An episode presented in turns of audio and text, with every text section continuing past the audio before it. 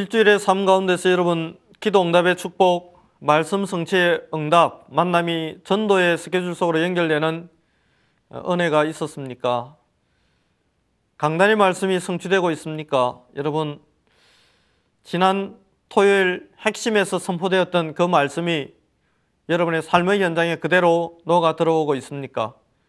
이것이 여러분의 인생이 되는 축복이 있기를 바라면서 남은 하루지만 오늘 하루 동안 선포되었던 말씀을 나의 삶의 현장에서 확인하는 축복이 있기를 바랍니다.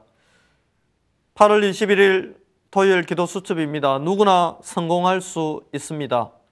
누구나 그리스도 안에 있으면 성공할 수 있습니다. 내게 능력 주시는 자 안에 있으면 성공할 수 있습니다.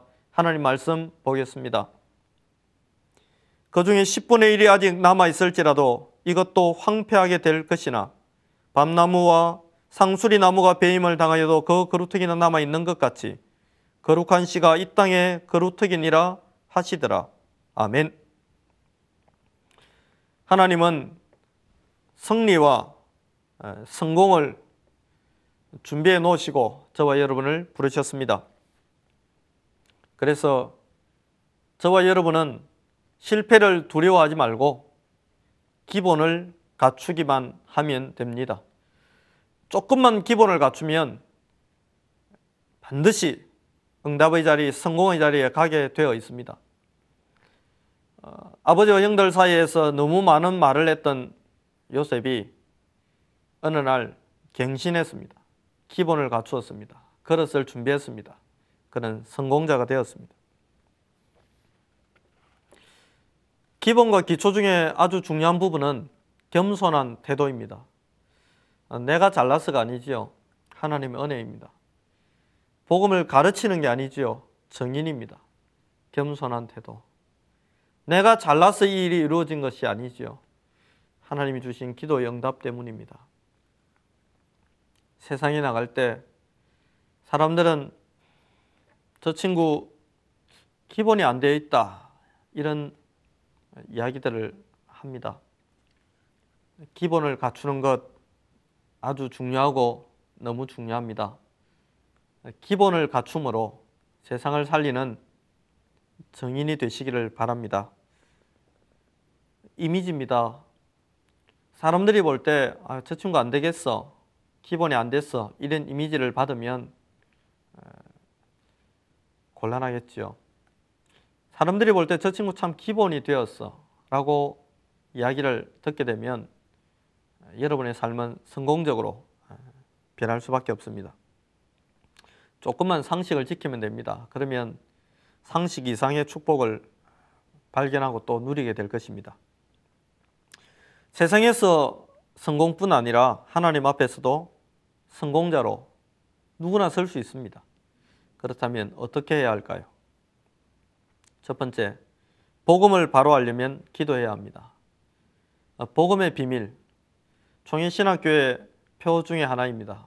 복음 체질화.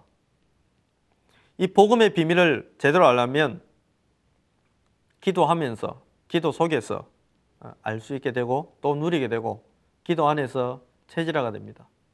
기도하면 응답되기 때문에 복음을 더 깊이 알게 되고 체험하게 됩니다. 성공하지 못하고 무너지는 사람들이 참 많습니다.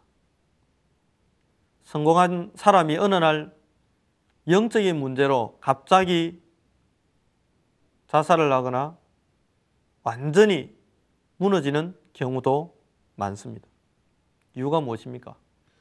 복음을 알지 못하고 복음을 나의 것으로 만드는 개인화의 응답을 받지 못했기 때문에 그렇습니다. 복음이 나의 것이 되는 순간 어떤 흑암 권세도 복음이 나의 것이 되는 순간 어떤 저주도 복음이 나의 것이 되는 순간 하나님의 나라가 임하는 축복을 바로 누리게 되어 있습니다. 복음을 알고 복음을 누리게 되면 흑암은 꺾이고 실패는 성공의 시작이 되고 발판이 되게 되어 있습니다. 복음이 무엇인지 바르게 아는 축복이 있기를 바랍니다.